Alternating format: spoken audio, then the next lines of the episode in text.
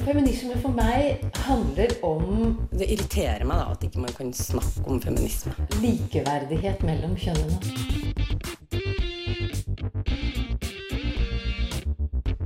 Det blikket på kvinnen på film. handlet det om å bli tatt på alvor som jente.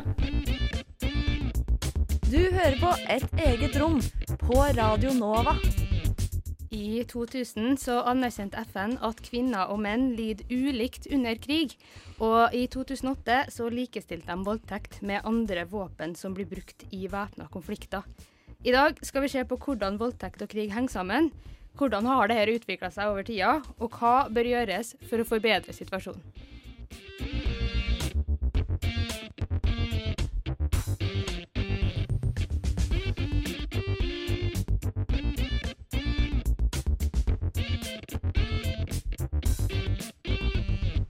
Ja, hei og velkommen til et eget rom på den litt gråe mandagsmorgen, kan vi vel si. Ja. Kan, kan, Vått, vått og grått. vått og grått i dag. Det har blitt en sånn skikkelig høst. Eh, I dag så er det meg, Marie Sunde, som er i studio, og med meg så har jeg den alltid fantastiske Linda Therese Rosenberg. Hallo! Hallo. En veldig fin introduksjon. Ja, takk, takk. Må prøve å ha en sånn litt letthet før, jeg, før vi begynner i det virkelig seriøse. Fordi vi skal jo snakke om eh, voldtekt og krig i dag, og det er jo et tøft tema. Eh, jeg vet ikke med deg, men iallfall når jeg satt og gjorde research og sånne ting, så fikk jeg litt sånn vonde følelser. Det var litt vanskelig å ha perspektiver på det som ikke Det er ganske drøye ting eh, som kommer opp. Og det er jo mange skildringer som man har samlet inn fra forskjellige kriger. Og man sitter jo for helt vondt mm. eh, når man leser hva folk har opplevd ja. i krig. ja, det er liksom akkurat det der at det tar litt da å prøve å holde seg litt eh, analytisk, da. Men det er jo det vi må prøve litt i den sendinga her, og prøve å se på det litt åpent og litt bredt, men kanskje ikke ta det så mye til oss den gangen her, bare fordi vi må prøve å få presentert det. Vi må i hvert fall ha litt sånn distanse til det. Ja. ja Eh, det man kan fint ikke ta det til seg ordentlig, fordi det er skikkelig ille ting. Mm, det er det. Ja.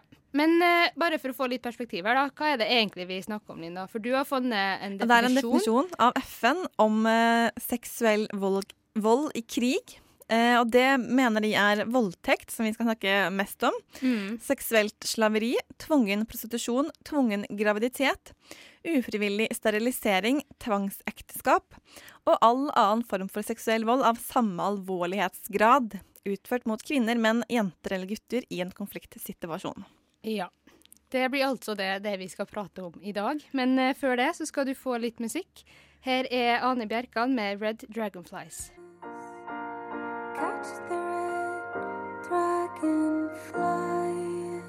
Ja, da er vi tilbake i et eget rom, hvor vi snakker om eh, voldtekt og krig her i dag. Uh, før vi går fremover og ser på hva som skjer i dag, så tenkte vi at vi skulle prøve å dra et litt sånn historisk bilde da, av hvordan det her har vært før. Uh, Og det har nok alltid vært en del voldtekt i krig, men Ja. man vet veldig litt om det. Men um, mye av det jeg har funnet, går liksom tilbake til andre verdenskrig. mm, Og under krigsoppgjøret da så ble voldtekt nærmest ignorert. ja. Og voldtektsofre ble ikke anerkjent som krigsofre. Uh, og det er det sikkert mange grunner. Altså nå, det her var jo i hele verden, så Mm. var det jo krig da. Men eh, hvis vi holder oss til Tyskland mye og Europa, så ble det ikke sett på som en, som en krigsstrategi. Mm, Eh, men det var mye voldtekt, og særlig mot eh, jøder og på østfronten, hvis vi snakker om Tyskland. mm. Eh, det interessante her var jo, og det er kanskje en av grunnene til at man ikke har sett på det som en krigsstrategi, er at fra øverste hold så ville man ikke at tyskere skulle voldta eh, Ok, de fra ja. Eh, eller Øst-Europa eller jøder, fordi man skulle ikke blande ut det ariske blodet. Ah, Men det var utstrakt eh, voldtekt av jødiske kvinner som en del av deres tortur. Mange ble drept umiddelbart etterpå. Noen ble da voldtatt mens de var på vei til konsentrasjonsleirer, mm, hvor de skulle dø uansett. Eh, mens eh, i ja, østfronten, særlig i Polen, så var det mer sånn De brukte det som en slags Det var mer sånn terror, på en måte. Det, det å skape en frykt. Eh, det er mange skildringer om kvinner som ikke tør å gå ute alene, selv ikke midt på dagen. som løp og gjemte seg eller flyktet fra hjemmene sine hvis tyskerne kom på uanmeldt besøk for å ja, gjøre hva de vil med, med, disse hjemmene hvor de bodde i. Mm. Og det var mye voldtekt selv om man egentlig ikke skulle gjøre det. Og ja. det fikk jo selvfølgelig ingen konsekvenser. Men det som man har funnet ut, er jo at det ble opprettet en del bordeller, og man tror at det har å gjøre med at man skulle unngå at det var voldtekt. Men de som jobbet på bordellene, det var jo særlig politiske fanger mm. fra Vesten. Som tyskere kan ha sex med, for det er jo ikke å blande ut det ariske blodet. Så det er jo tvungen prostitusjon. Ja. Eh, selv om det da ikke nødvendigvis er grov voldtekt, så er det jo fremdeles overgrep som ble begått av tyskere. Mm. Eh, og det skjedde jo også i Berlin, da russerne invaderte Berlin i april 1945. Og det man har fått litt inntrykk av der, er at nå ble voldtekt i stor grad en slags hevnstrategi. Ja. At tyskere de har voldtatt våre kvinner, da må vi kunne voldta deres kvinner. Mm. Og det er en, um, en, bok, en dagbok som heter 'En kvinne i Berlin', som ble gitt ut. Det er da en journalist som har dokumentert sine erfaringer. Og etter gjentatte voldtekter av russere, så innleder hun da eh, forhold til tre forskjellige russere for å få beskyttelse. Ja. Så hun selger på en måte kroppen sin eh, mot, som et forsøk på å unngå å bli voldtatt, for det var så vanlig mm. at det ja. skjedde. Ja, ikke sant. Ja, for det er litt sånn det inntrykket jeg har fått, og at opp gjennom historien så har det vært flere kriger der voldtekt oftere enn vi kanskje egentlig liker å tro, har vært noe som har skjedd. Og ofte også kanskje egentlig litt strategisk valgt. Men at det ikke har blitt dokumentert, da, sånn som du sier, at det er altfor lite dokumentasjon på det, og altfor lite tall på det, så man vet ikke. Man kan ikke ta noen i å ha gjort det, da. Uh, men det er jo litt interessant, fordi i krigen i Bosnia etter uh, Jugoslavia falt sammen, skulle jeg si, på tidlig 90-tallet, så var det på en måte kanskje første gangen da, at folk så det at voldtekt ble brukt strategisk. Fordi da valgte jo serbere spesielt å voldta den bosnisk-muslimske befolkninga i et forsøk på å rense ut eh, en befolkning, da, en etnisitet. Og da så man jo kanskje for første gang at OK, vet du hva, det her er en systematisk bruk. De fikk jenta gravid for å skape babyer som ikke var rent bosnisk-muslimske, i stedet for at de skulle få lov til å ja, gjøre som de ville. da. Mm. Og det ble også brukt i denne krigen som del av tortur. Mm. Altså først en grov voldtekt, og så dreper du dama etterpå. Ja. Bare for å liksom straffe henne maksimalt fordi hun er muslim og det er feil etnisitet. Ja, ikke sant. Ja, fordi det her har vi jo også skjedd Eller sett, heter det. det her har vi jo sett i en del afrikanske land, afrikanske kriger, og det der med voldtekt har blitt brukt strategisk for å bryte ned lokalbefolkninga, da. Eller mm. bare dette etnisitetsperspektivet. Altså, mm. du har feil etnisitet, derfor skal vi voldta deg, tvinge deg til å bli gravid, tvinge deg gjennom svangerskapet. Mm. Og så når du nesten er i ferd med å føde, så er det bare sånn Ha det bra! Mm. For nå føder du etter våre barn. Ja. ja, ikke sant. Nei, det er definitivt noe man må se mer på. Historien er fæl. Tenk på da vi gikk i demonstrasjonstog, og Ingrid på seks år gikk med plakat hvor det sto 'Jeg vil bli statsminister'. Og alle mennesker lo langs ruta for at en jente skulle kunne bli statsminister. Du hører på et eget rom på Radio Nova.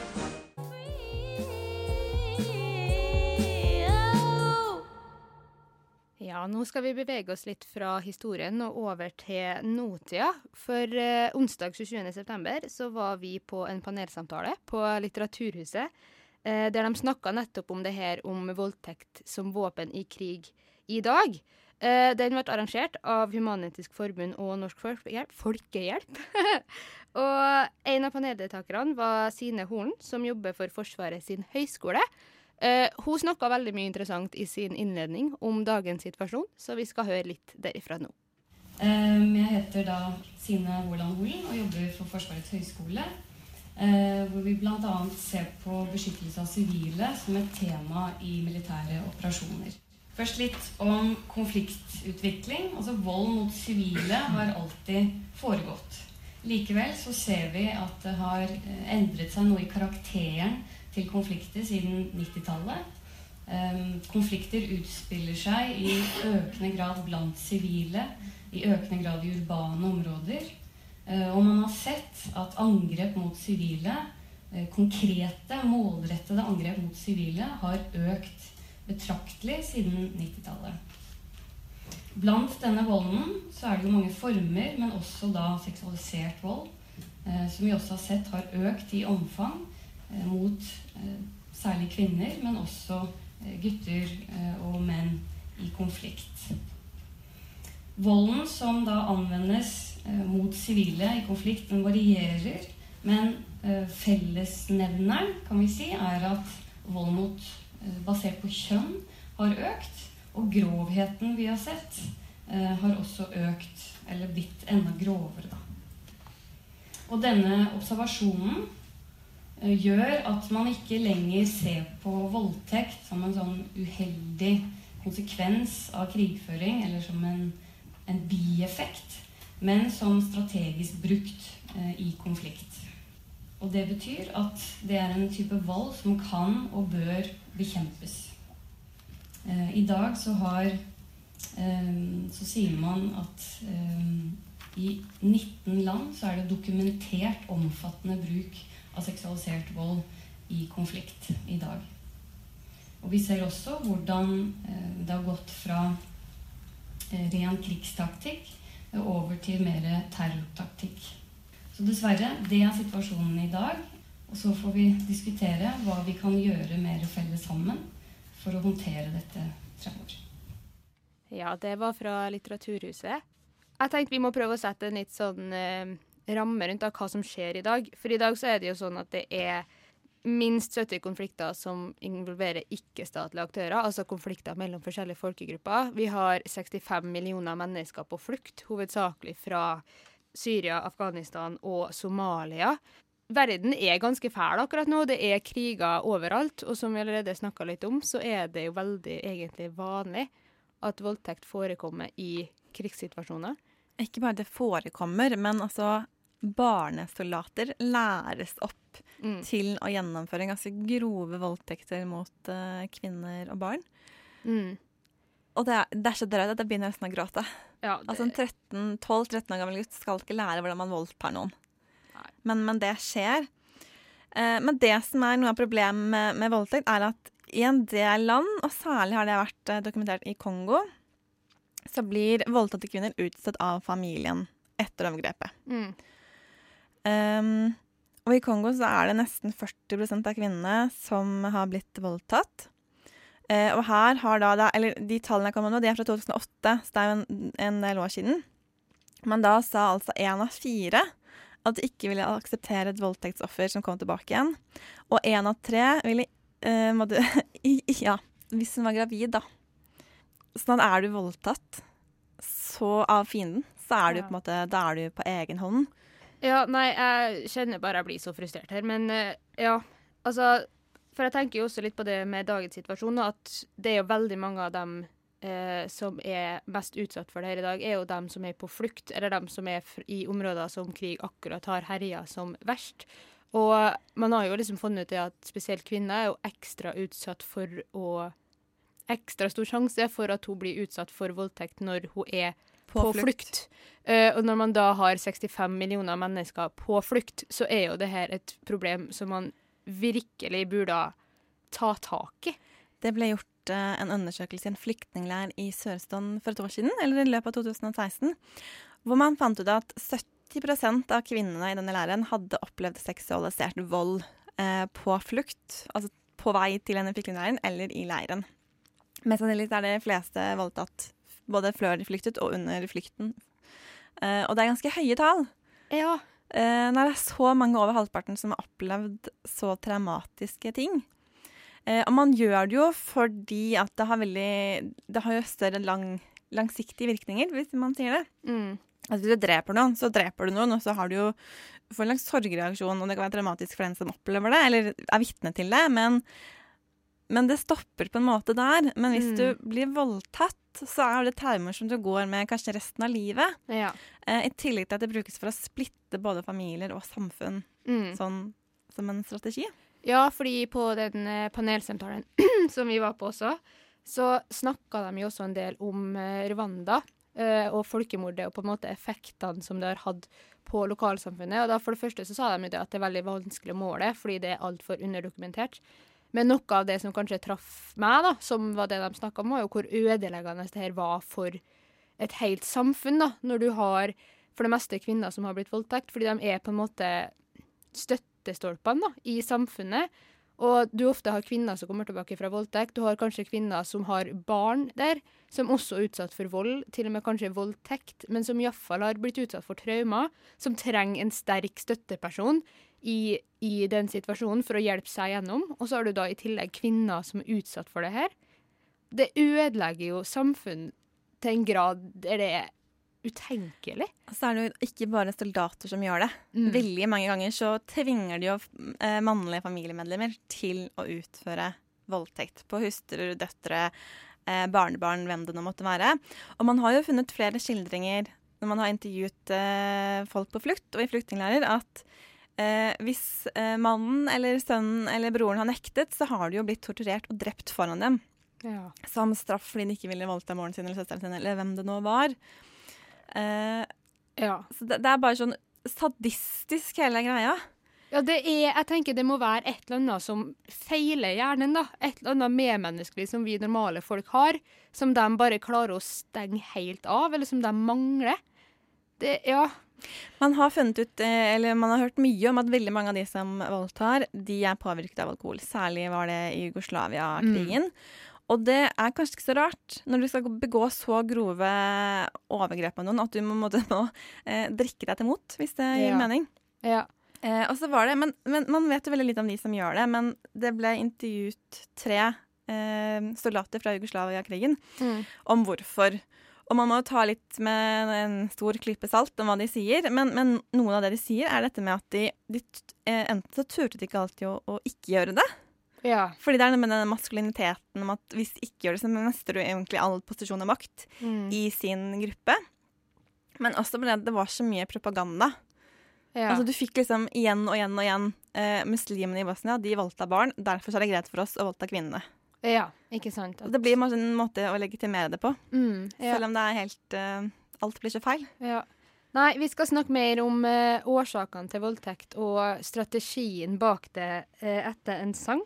Nå får du Buzz Wipes med Palace.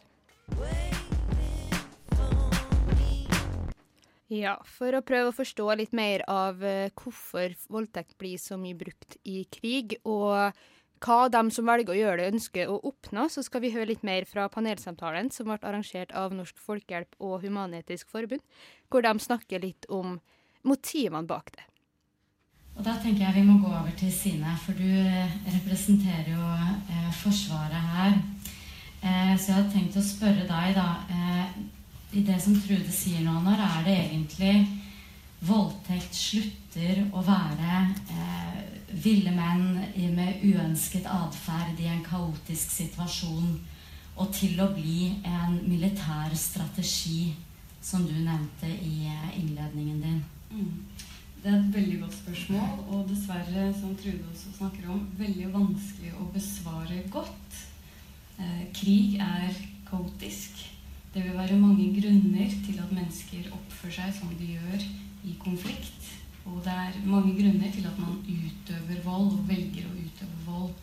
Eh, men det vi vet, også som Trude var inne på, det kan være alt fra individuelle motiver, f.eks. personlig hevn, man velger å utføre en sånn type vold. Det kan være ren opportunisme. Eh, og det kan gå hele skalaen til mer taktiske ledelsesbeslutninger, eh, hvor man aktivt går inn og oppfordre sine tropper til å bruke seksualisert vold, f.eks. For, for å kontrollere områder. Eh, fordi man ønsker å for kontrollere naturressurser eller landområder. Infrastruktur eller det kan være for å fordrive befolkningsgrupper eh, fordi man ønsker en mer homogent, enten etnisk eller religiøst rent eh, område. Eller det kan da brukes eh, taktisk også for å renske ut en populasjon. F.eks. ved å eh, voldta og dermed eh, vanne ut f.eks. en etnisitet gjennom neste generasjon av barn som blir født. Og så blir det ytterligere komplisert. fordi Før så snakket vi om at eh, dette kan bli brukt som en krigstaktikk. Men i dag så snakker vi ofte om at det blir til og med brukt som en terrortaktikk. Eh, når du bruker det som taktikk, hva er det de ønsker å oppnå, da? Mm. Det kan være mange ulike ting, men det vi, vi ser f.eks. at ekstremistiske grupperinger eller terrorgrupper bruker seksualisert vold mer strategisk i sin operasjonsutførelse i dag. Um, det vil være mange grunner til det, og Auvo var bare inne på dette i, i, sitt innlegg også. F.eks. så kan man bruke det i sin strategiske kommunikasjonsstrategi. F.eks. i rekruttering eh, hvor man lover koner eh, for, å, for, å, fange inn flere soldater og nettopp rekruttere dem på den måten. Eller det kan bli brukt som eh, økonomiske midler, altså lønn. Eh, ren slavehandel som blir brukt altså, Du lønn. mener da å få en kvinne i, som betaling? Ja. Mm. For å, å få lov til å voldta som betaling for sitt soldatutførelse, um, utførelse, da. Um, og selvfølgelig for å spre frykt. Uh, og nettopp fordrive uh, befolkningsgrupper på en veldig effektiv grad. Og vi har også sett um, at f.eks. IS, eller Daesh, hva nå enn vi velger å kalle dem, har også brukt seksualisert vold i sin egen finansiering av sine operasjoner. Og FNs eh, spesialrepresentant for seksualisert vold i konflikt eh, ga ut en rapport i fjor hvor de mente at IS hadde fått inn over eh, 40 millioner dollar eh, på ren, moderne slavehandel. Altså selve kvinner. de har eh, stjålet, så å si, da. Mm. Ja, det var litt flere klipp fra Litteraturhuset for å prøve å forstå litt bakgrunnen for det her, eller iallfall motivene. Uh, jeg tenker kanskje vi kunne fortsette litt med det vi snakka om før innslaget òg. Hvorfor velge uh, spesielt menn da, i sånne situasjoner å voldta? Fordi det de sier i det klippet her, da, at det kan være alt fra personlig hevn til ren opportunisme til taktiske lederavgjørelser. Så det er jo tydelig at det er veldig forskjellig, iallfall kan være veldig forskjellig, da. Altså, hvis man kan si Det er helt forferdelig ut, beklager, men, men en fordel med voldtekt Ja. er jo at det er vanskelig å etterforske det, som gjør det veldig komplisert. Det er veldig få som det, altså, rapporterer det her videre til noen myndigheter, for man stoler ikke på myndighetene eller de som skal beskytte deg, i det hele tatt. Eh, hvis man gjør det, så ender det jo veldig sjelden i noen rettssak. Sånn at når man vet som mannlig soldat at hvis man gjør det her, så får det ingen konsekvenser for meg. Selvfølgelig blir det jo ikke akkurat mindre av det. Og så er det noe om dette med at voldtekt i veldig mange steder, eh, bl.a. i Midtøsten med IS og også i en del afrikanske land, eh, så handler det her om at det er mer en forbrytelse mot offerets ære. Mm. Um, så det er ikke bare det å, å utøve makt, spre frykt, eh, den derre terror den, At det er en frykt, på en måte. Um, men altså det Og det er dette med at man i Kongo da ikke blir, eh, kommer inn i familien igjen. At man, da har man skadet kvinnens ære. Da er hun skitten. Da er hun berørt av fienden. Mm. Og særlig da hvis de blir gravide, for da er det jo ikke deres barn, det er fiendens barn. Mm. Som jo er ganske interessant. At uh, man på en måte glemmer litt at når man lager barn, eller når ble, barn blir til, så er det jo to mennesker som Altså genene kommer fra to mennesker. Mm. Men i krig så bare Nei. Ja. Det er liksom overgriperens barn. Mm. Og det ser man også i Jugoslavia, eh, hvor man da eh, tvang Altså ikke bare at man hadde voldtak, eller voldtekter, men at man, man gjorde det såpass mange ganger at man var sikre på at ofrene ble gravide. Mm. Eh, fortsatte å mishandle dem til de var så gravide at de omtrent skulle føde. Og så slapp de kvinnene ut. Eh, og da var det jo deres barn. Så det var en del av den utrenskningen av, av muslimene. At, ja. for da var det ikke et muslimsk barn. Selv om det er da kvinnen som er muslim, som skal oppdra barnet. Ja. Så det noe, sånn skjer det jo også i f.eks. i afrikanske land. Da. Eh, det er jo kvinnen som får ansvaret for barnet, men det er da fremdeles fiendens barn. Mm, ja, fordi det er på en måte to ting som jeg syns er litt interessant å tenke på. da. Fordi For det første så må vi jo sette det i en kontekst. da, at Vi snakker jo ofte om samfunn som er veldig brutne, som har null form for rettferdig rettverk, rettsverk. Det er ingen plass å gå, sånn som du var inne på, som faktisk hjelper deg. ikke sant? Og så I tillegg så leste jeg en plass det om den nasjonale følelsen. da. Eh, og det gjelder jo krig, krig generelt. At når du først har en krig, spesielt mellom to nasjoner, så blir jo den der nasjonalistiske følelsen ekstra stor. da. Uansett hvilken side du er på, så blir du plutselig veldig din nasjon. Det blir kanskje det viktigste som identifiserer deg. Og da får du så det hevnmotivet. Ja, da får du det hevnmotivet. Og så får du også det der at ja, I en del samfunn så tenkes jo kvinner på som en eiendom, ikke sant? ofte kanskje av menn, men også i en krigssituasjon en eiendom av en nasjon. da. At du kan på en måte bruke det å voldta ei kvinne av din motstandernasjon som en måte å drive vold mot nasjonen som helhet. da. At du kan ødelegge en nasjonalistisk følelse eller verdier som den nasjonen står for, ved å gjøre voldtekten. da. At det er en effektiv måte å vise på en måte din makt da, og din dominans over en nasjon. Og det har jo egentlig indirekte om kjønnsroller å gjøre. Ja, akkurat. Eh, om at det er mannen som er liksom Han har kontroll på familien, men det er jo kvinnene som, som faktisk fører nasjonen videre. Mm. Ja. Eh, ved at det er de som, som steller familien, sørger for at alle har det bra, Ja. eh, kommer med mat, oppdrar barna. Ja. Mm, ja. Føder barna, ikke minst. Ja. Men eh, jeg tenker vi må også snakke litt om det som ble nevnt i innslaget her. Det der om at det har blitt en terrortaktikk.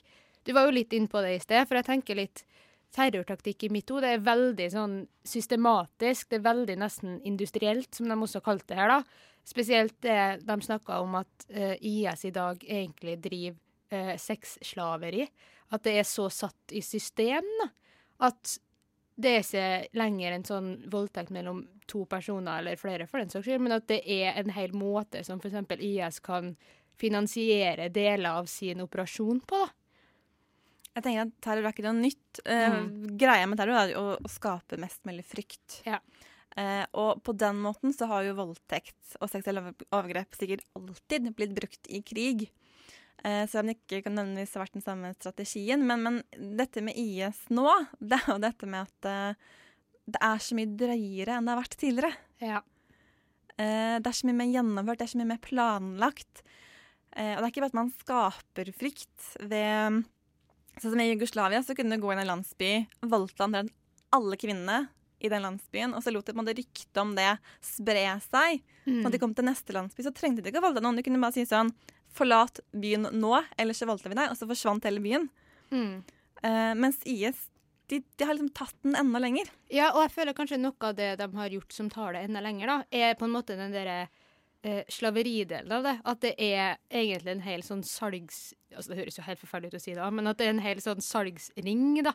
At det er på en måte Kvinner kan bli solgt fra kjøper til kjøper omtrentlig, til forskjellige fordi- priser. Og det her er noe IS for en eller annen måte klarer å tjene penger på. Jeg tror det er mer vanlige både før og også enn nå. Det er jo at hvis du blir tvunget ut i prostitusjon eller liksom sexslave, så er det jo for, eh, for måte den gruppen du er i.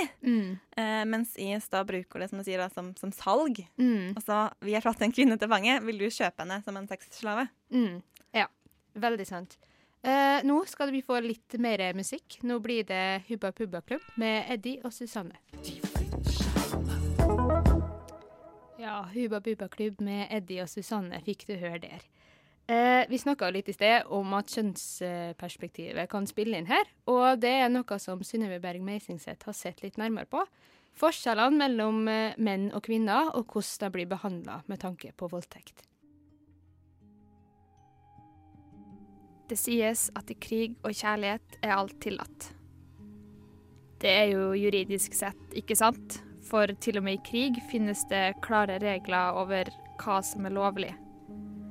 Men det betyr jo absolutt ikke at disse lovene følges. I krig finnes det i praksis ingen regler. Samfunn beveger seg over til det anarkiske, og i en sånn tilstand tar folk i bruk de verste metodene man kan tenke seg f.eks. grov seksualisert vold. Å bruke voldtekt som våpen er noe som rammer både kvinner og menn, og bakgrunnen og hensikten for overgrepene er ofte veldig lik.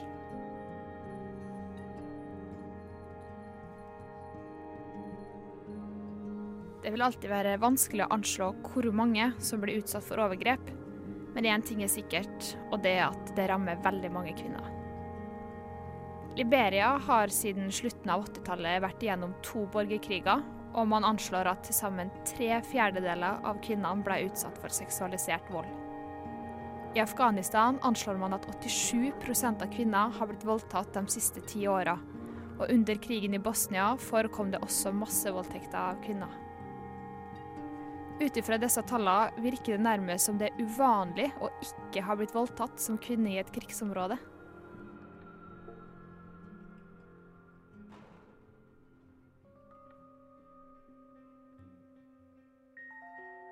Bakira Hasekik er ei bosnisk kvinne som sjøl ble voldtatt under krigen, og hun ble også tvunget til å se sin egen datter bli voldtatt. I etterkant av krigen har hun jobba aktivt med å få de mange overgriperne dømt. Hun mener at voldtekt brukes som en strategi for å føre kvinner ut av landet de kommer fra, og sørge for at de ikke vil komme tilbake. Å skulle reise tilbake til landet du ble utsatt for grove overgrep i, og i tillegg risikere å møte overgriperen din, er uaktuelt for de fleste. Etnisk rensing er ofte et veldig viktig element i krig. Å gjøre kvinner gravid kan være en måte å sørge for at de riktige genene og etnisitetene blir videreført. Det brukes også som en politisk strategi for å bryte ned en bestemt gruppe mennesker. F.eks. den bosnisk-muslimske delen av befolkninga under Serbias krigføring i Bosnia.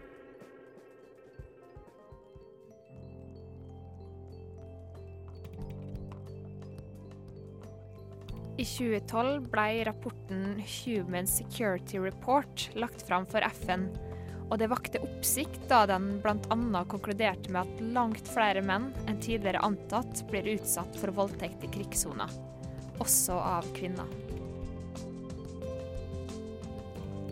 Anette Bringedal har siden 2006 forska på seksualisert vold i krig, og da hun starta, ble hun overraska over hvor mange fra Den internasjonale domstolen for forbrytelser i det tidligere Jugoslavia som handla om menn. Det faktum at også mange menn blir utsatt for voldtekt i krigssona, er sterkt underkommunisert, mener Bringedal.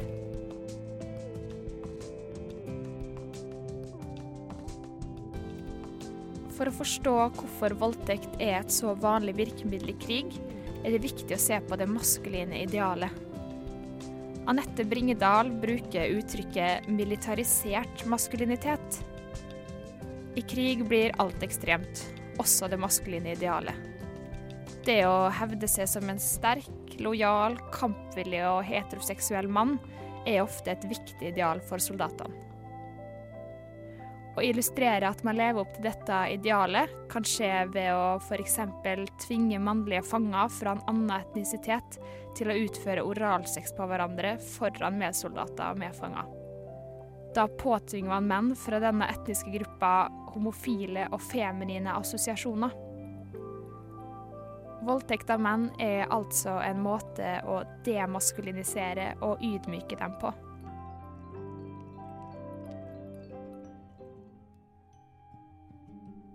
Hensikten med voldtektene av kvinner og menn er ofte lik, mener Anette Bringedal. Hun tegner opp fem begrunnelser for seksualisert vold. Overgriperne er opptatt av å gjøre sin plikt som soldat, og om det innebærer å voldta, så gjør man det.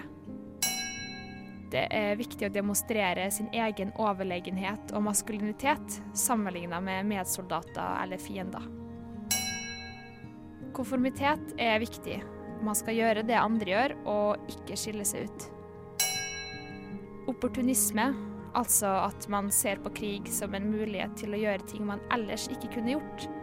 Tankesettet endres.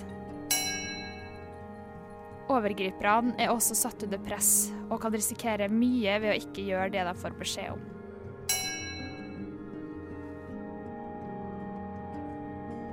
Selv om hensikten med voldtekter i krig ofte er den samme, så finnes det noen forskjeller mellom overgrep av kvinner og overgrep av menn. Overgrep av kvinner blir ofte redusert til en seksuell handling. Litt sånn ja, men det var jo bare sex. Det ser man sjeldent i overgrep hos menn.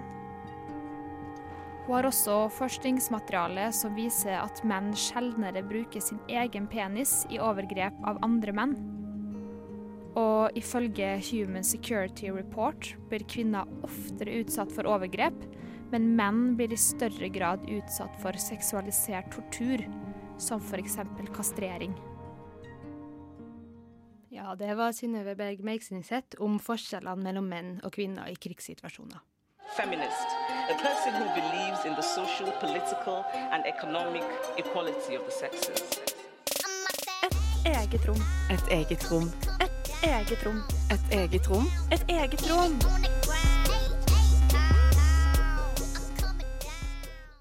Ja, nå har vi jo snakka ganske mye om eh, det fæle som skjer, og litt om historien av hva som har skjedd oppover tiden, kanskje vi kan si.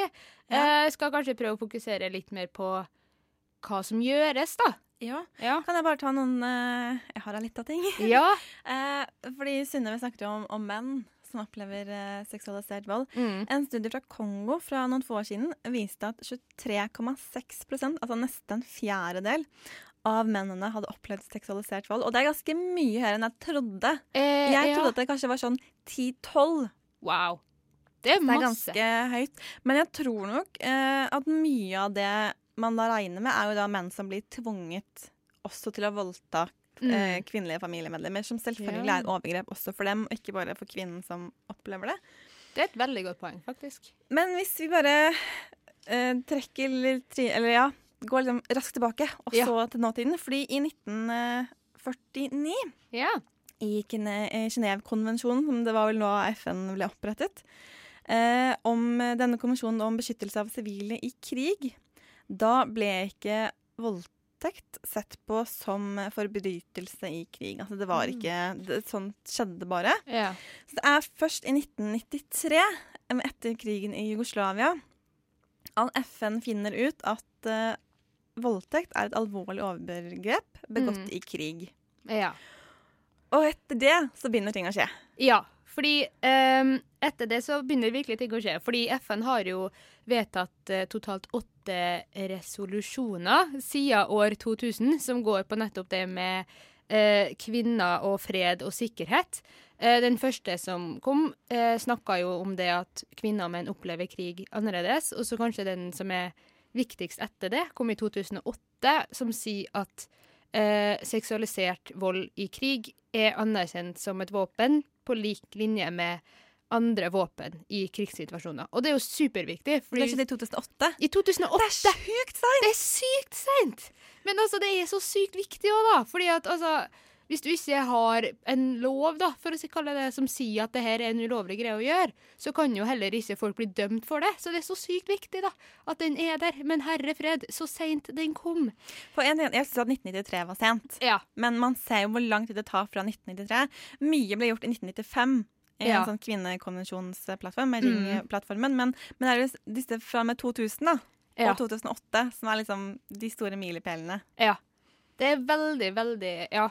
Men eh, ja, fordi Fokus.no, da, som er et sånn forum for kvinner og utviklingssaker, har jo laga en eh, liste da, over ting de mener er det som bør gjøres for å forbedre situasjoner til kvinner i eh, krigssituasjoner. Da. Eh, og under det så detter jo også da kvinner som er utsatt for voldtekt. Og de mener det at det er spesielt viktig at kvinner blir involvert i både fredsprosessene og fredsarbeidet både før og under eh, konflikter. De mener at det er superviktig at kvinner sin rett til å beholde sitt eget land og sitt eget bruk eller næringsvirksomhet er veldig viktig. De mener at det er viktig at kvinner også har en stemme i eh, selve krigssituasjonene, i hvordan man skal håndtere det. Så jeg føler kanskje gjengangen her da, er at kvinner må være, få lov til å være mer delaktig i lokalsamfunnene sine, sånn som vi snakka om tidligere, at de ofte er bærebjelkene, at de også får lov til å få stemmen som det, da.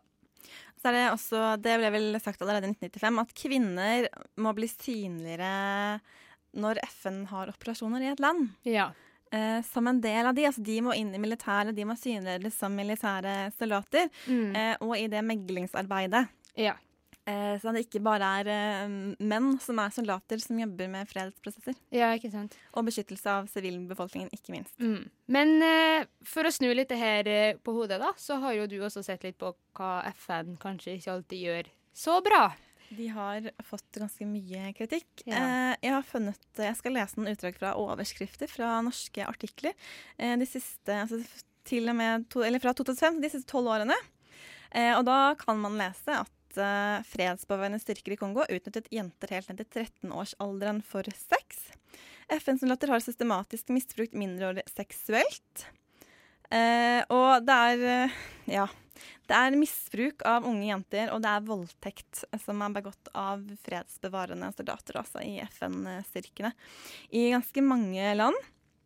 Eh, FN har selv gjort en del granskninger og kommet med en del rapporter, men de har også fått ganske mye kritikk for at det ikke er eh, satt i gang et ordentlig program for å hindre overgrep mot sivilbefolkningen.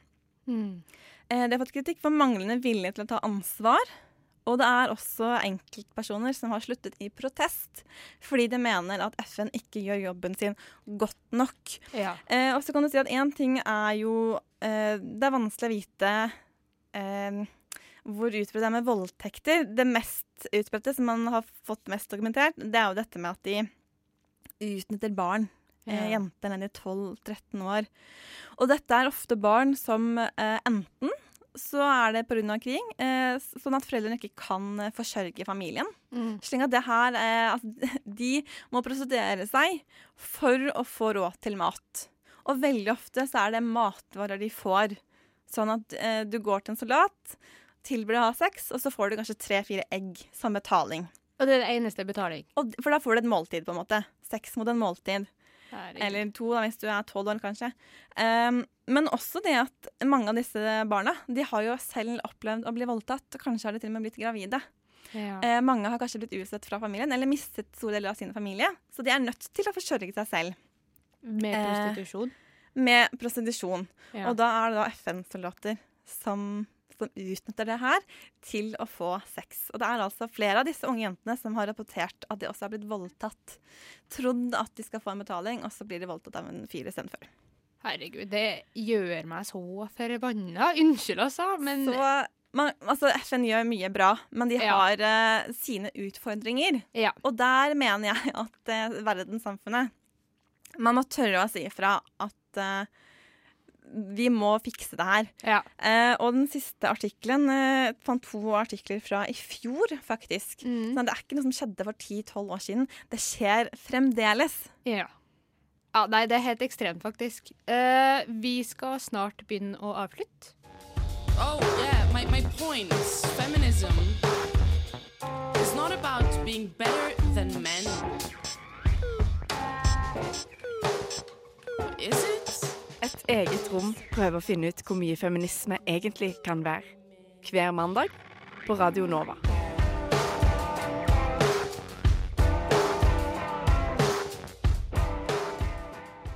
Ja, nå har vi jo prata om eh, voldtekt og krig her i et eget rom i eh, løpet av den siste timen som har gått.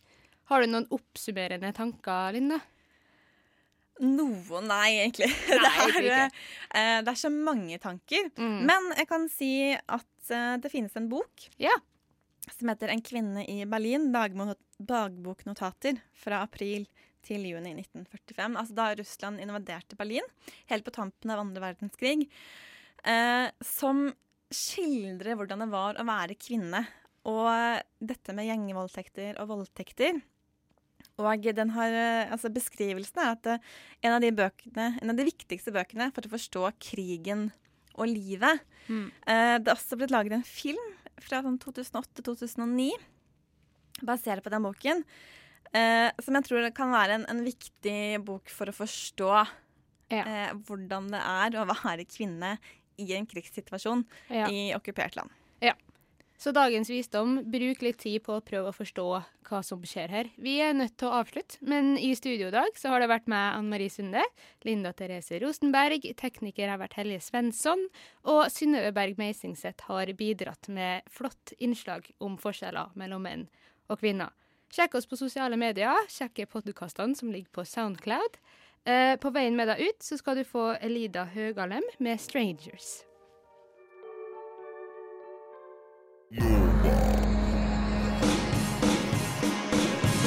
Du har hørt en podkast fra Radio Nova. Likte du det du hørte? Du finner flere podkaster i iTunes og på våre hjemmesider radionova.no.